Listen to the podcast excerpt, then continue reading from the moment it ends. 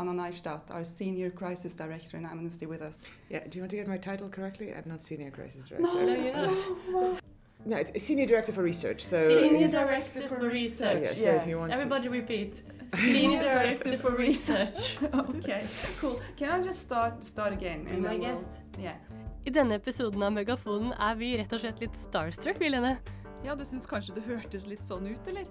Men det er jo ikke hver dag vi snakker med ei dame som Anja Neistat. Hun har vært i de fleste krigssoner i verden, og hun reiste faktisk undercover inn til Syria da hun var fem-seks måneder gravid. Amnesty slår alarm, Amnesty advarer, Amnesty krever at. Altså, I dag går vi bak overskriftene og blir med sjefsetterforsker Anna Neistat ut i felt. Jeg heter Ina Strøm, og ved siden av meg sitter som vanlig min kollega Lene Christensen.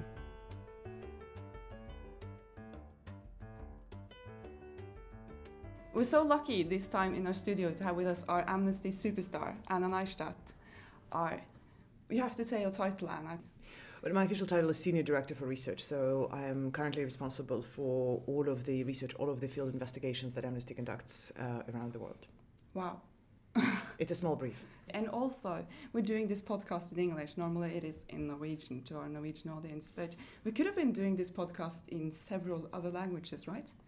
Yes, unfortunately not Norwegian. My Norwegian is very basic, but um, Because you do have a Norwegian husband. I do have a Norwegian husband, but um, the extent of my Norwegian is only baby Norwegian so far. Um, I'm trying to improve. Next time we'll do it in Norwegian, but um, so far I think English is probably the best choice. Could have been Russian too. Could have been Russian. I, I do speak Russian and French and some other languages. So, in your job, what is it that you do?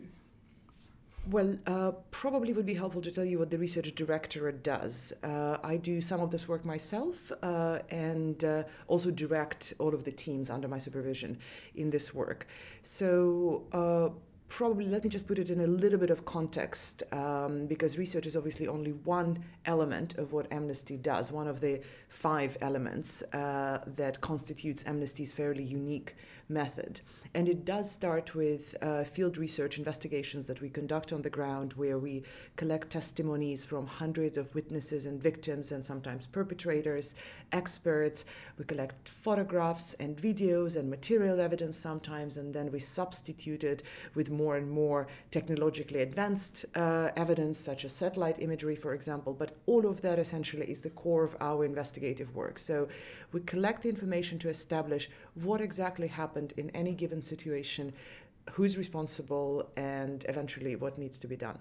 This next part is obviously exposure. We don't collect this information just for ourselves uh, or just to write uh, a report about that. The idea is to make sure that the entire world knows. So we work a lot both with traditional media and new forms of media, social media, to get the maximum exposure.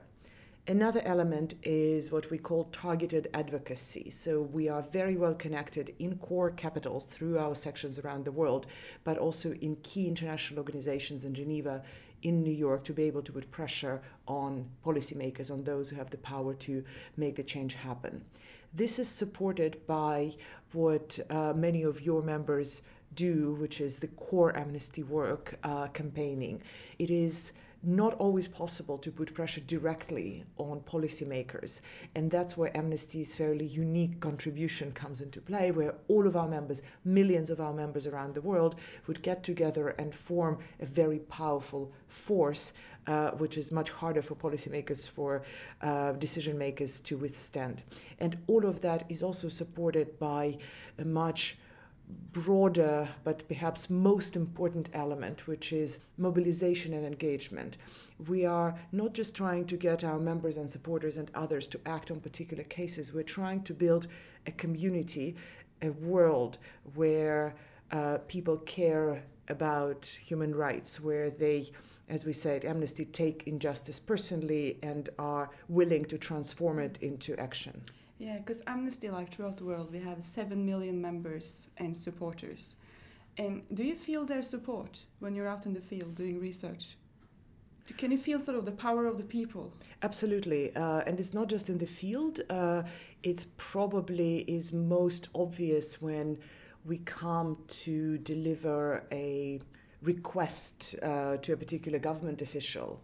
And it feels very different when you have with you in your hands a collection of letters and petitions and signatures from thousands of people. And it's literally thousands of people, pretty much no matter which case we're talking about.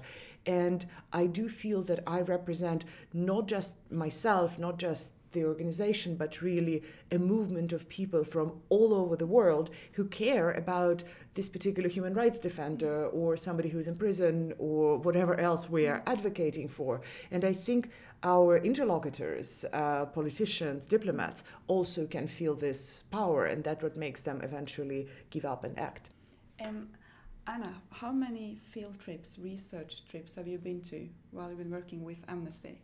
Uh, I don't go to the field as often as I would like to. Although um, you have to come, you have to give us numbers now, because I think what you think is not that often. no, be. no, but it's true. I mean, I, I think with with Amnesty, you know, a lot of my work is managerial, right? So I manage uh, um, all of our research missions. So uh, with Amnesty this year, I did three uh, three trips. Uh, one was to eastern Ukraine, um, um, the research that I just mentioned, where we were looking into uh, secret detention and other post-conflict violations um, in eastern Ukraine. It's one of the closed areas where I think my participation in the mission was quite quite crucial. And uh, then I went to Kyrgyzstan.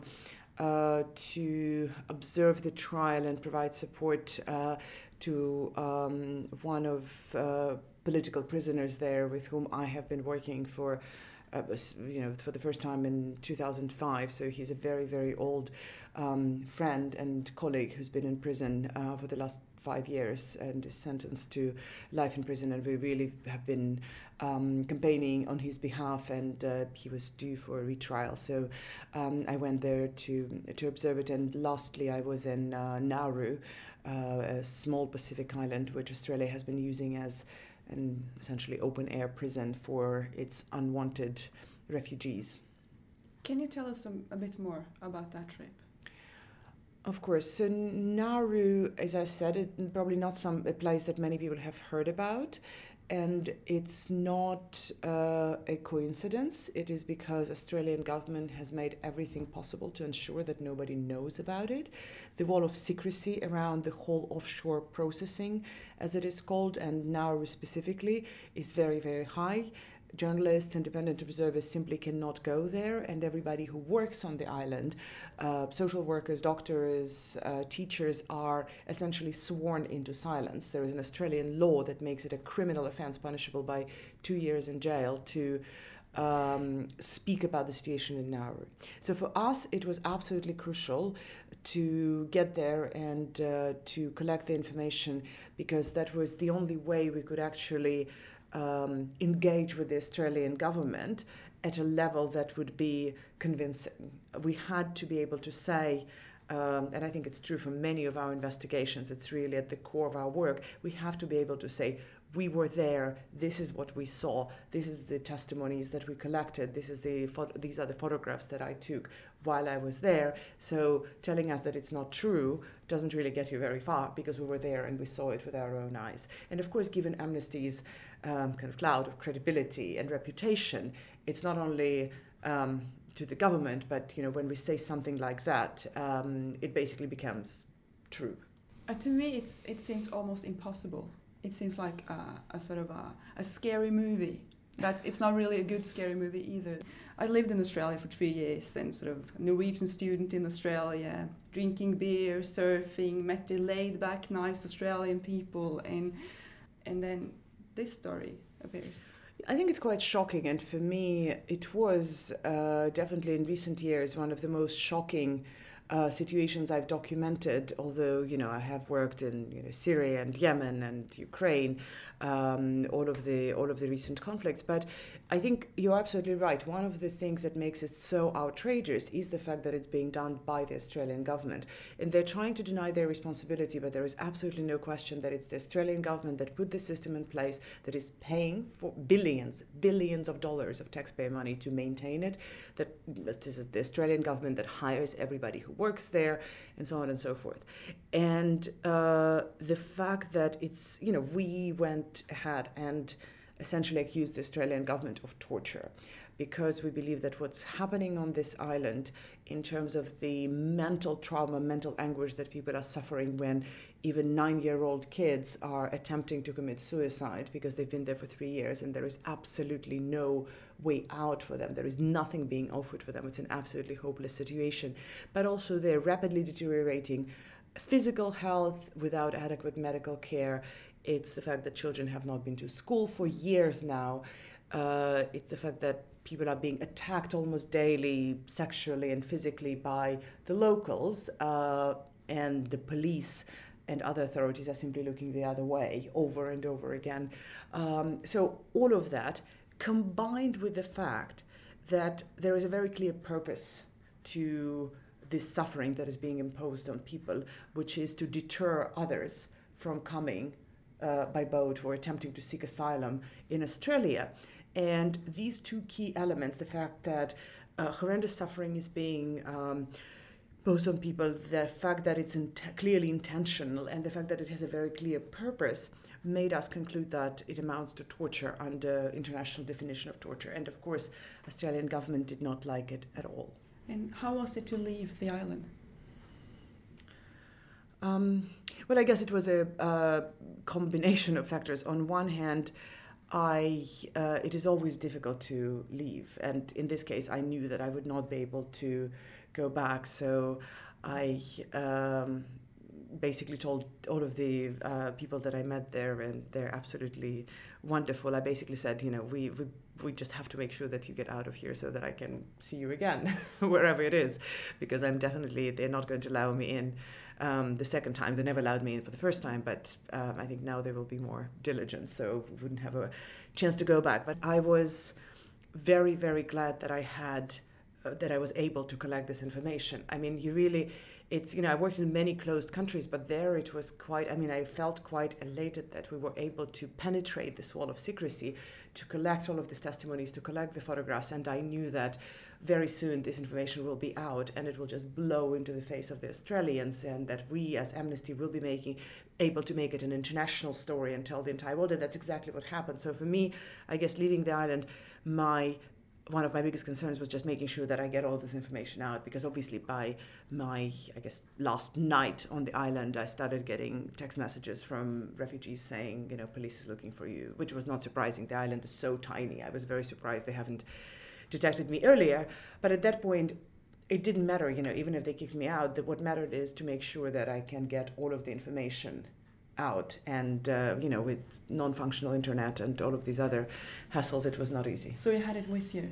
I was able to upload some of it but obviously again the internet was so so slow and not functional that of course the videos and and i i felt it was very important to record video statements from um, from from refugees. Um, and of course you know these are as you know big files and you know uploading them was not possible. So i had various things. So i uploaded some and then i had two um, separate encrypted USB drives hidden in various places around my luggage. So it was. Um, as always, you know, I, I really, I really feel so stupid every time I have to do something like that because it's kind of a, you know, um, it always feels like an unprofessional spy movie, um, and um, but you know, you have to do whatever you have to do. And when talking about movies, like the audience here can go into Netflix and watch the documentary E Team which features you, Anna, and your husband while you were working for Human Rights Watch, going into Syria undercover. And was that, were you five months pregnant? when you went undercover in Syria? During one of the trips. I mean, the, the film covers uh, several different trips that we undertook uh, in Syria in 2012 and 2013. And uh, during the last trip, I was significantly pregnant, yes. What makes a pregnant woman go into one of the world's most dangerous conflict zones? You know, I, I, I, quite honestly, I never, uh, I guess, ask myself the question in the same way. Um, the same thing that makes a non-pregnant woman, I guess, go into these um, conflict areas. Um, I I don't want to sound reckless, but uh, quite honestly, I didn't feel like my pregnancy affected um, this in any way. You know, I was feeling fine. You know, my doctor said it was fine. There are lots of pregnant women in Syria living in this condition day in and day out, so I did not feel um, special at all. The problem was that the flak jacket that we had uh, was clearly not designed for pregnant women. So the velcros on the sides of the flak jacket do not quite close uh, on your pregnant belly. That was a slight, um, slightly a bummer. But otherwise, and generally speaking, uh, you know, what, what makes us all do that is, I think, a combination of um, outrage and conviction that you can do something about this. Um, in some ways it's it's very addictive. Uh, it's very addictive in both ways where you know for sure that and you know the more you do this work the more you know that no matter which conflict you are going into or um, situation of massive human rights violations there is such clear reliance from the perpetrators on the idea that nobody would come that it would not get exposed that they would be able to hide it that their victims will remain invisible and voiceless and that alone, for me, is a massive driver to actually get there. And the more they're trying to hide it, the more um, convinced I feel that we have to get there because probably nobody else would. Um, and the other uh, factor is that I've seen in, in my work, in my life, how situations do change, how we are there not just to um, expose the situation to the outside world, although it is important in itself, but to actually uh, provide certain level of protection to make sure that the attacks of the kind that we document do not happen again, and at least more people don't uh, don't die. To make sure that um, I don't know, the, the villages that are being set on fire by looters are actually sealed off, uh, and uh, the looters are not allowed to go there.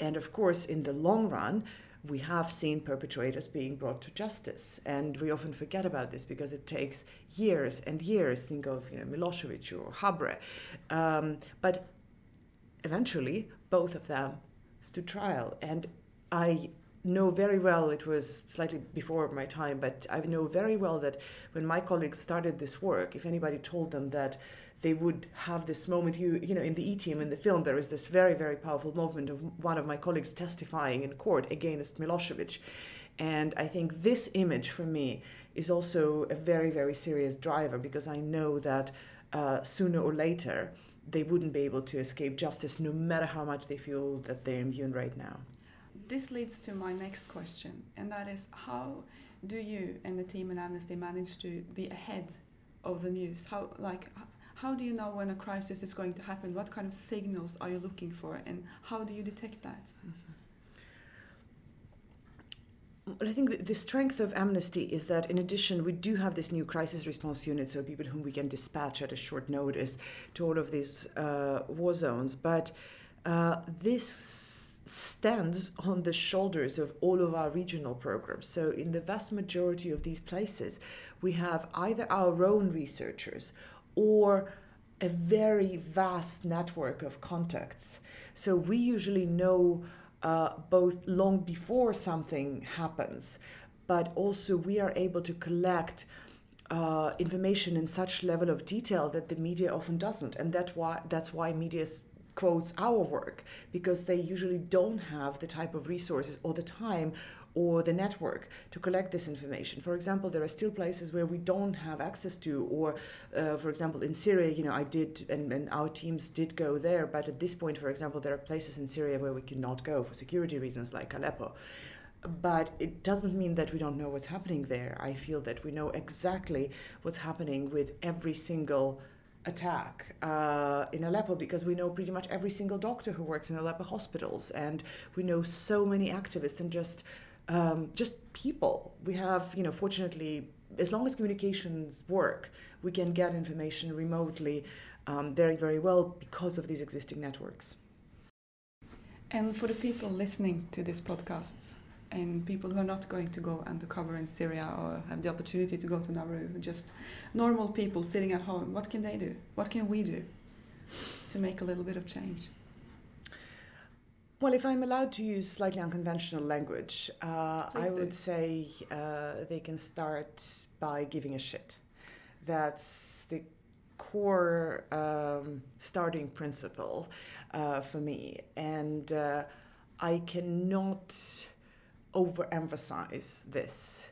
Uh, it all starts there. It all starts with uh, suddenly realizing, and that's you know that's what Amnesty is trying to do and is so successful in doing, um, making people care about somebody who is miles away, whom they've never met, whom they've never heard about, uh, but uh, whose life or freedom is in danger. And realizing that you actually do something about it, that you can contribute without going undercover to Syria, but that by very simple act of writing a letter, you can actually contribute to getting this person out of jail. And I can absolutely assure you that it sounds like science, science fiction, right? You know, when, when I describe it like that, it sounds like science fiction. Why would me writing a letter or sending an email or clicking on a petition online uh, make a difference in someone's lives?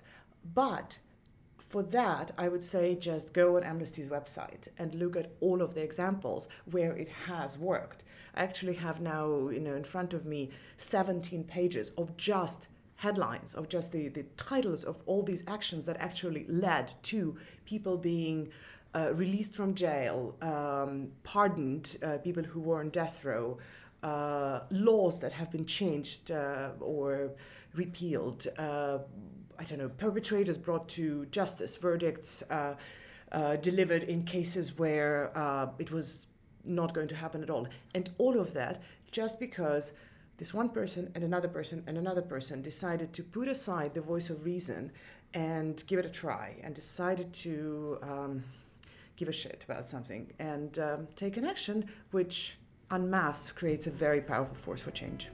Thank you so much for being with us in our podcast, Anya. Thank you, and um, many thanks to um, all of your um, all of your staff, all of your members and supporters. I really, uh, for me, that's always the highlight of my work in Amnesty to uh, meet people who actually form this movement that um, I have an honor to be part of. Well, Takk thank skal du you. ha. Takk skal du ha. For dere som vil bli enda bedre kjent med Anna, så anbefaler vi å finne fram til dokumentaren E-Team. Den er å finne på Netflix. Tusen takk for at dere hørte på oss. Og hvis dere syns dette var stas, så husk å gi oss en rating i iTunes, og fortell gjerne vennene deres om Megafonen.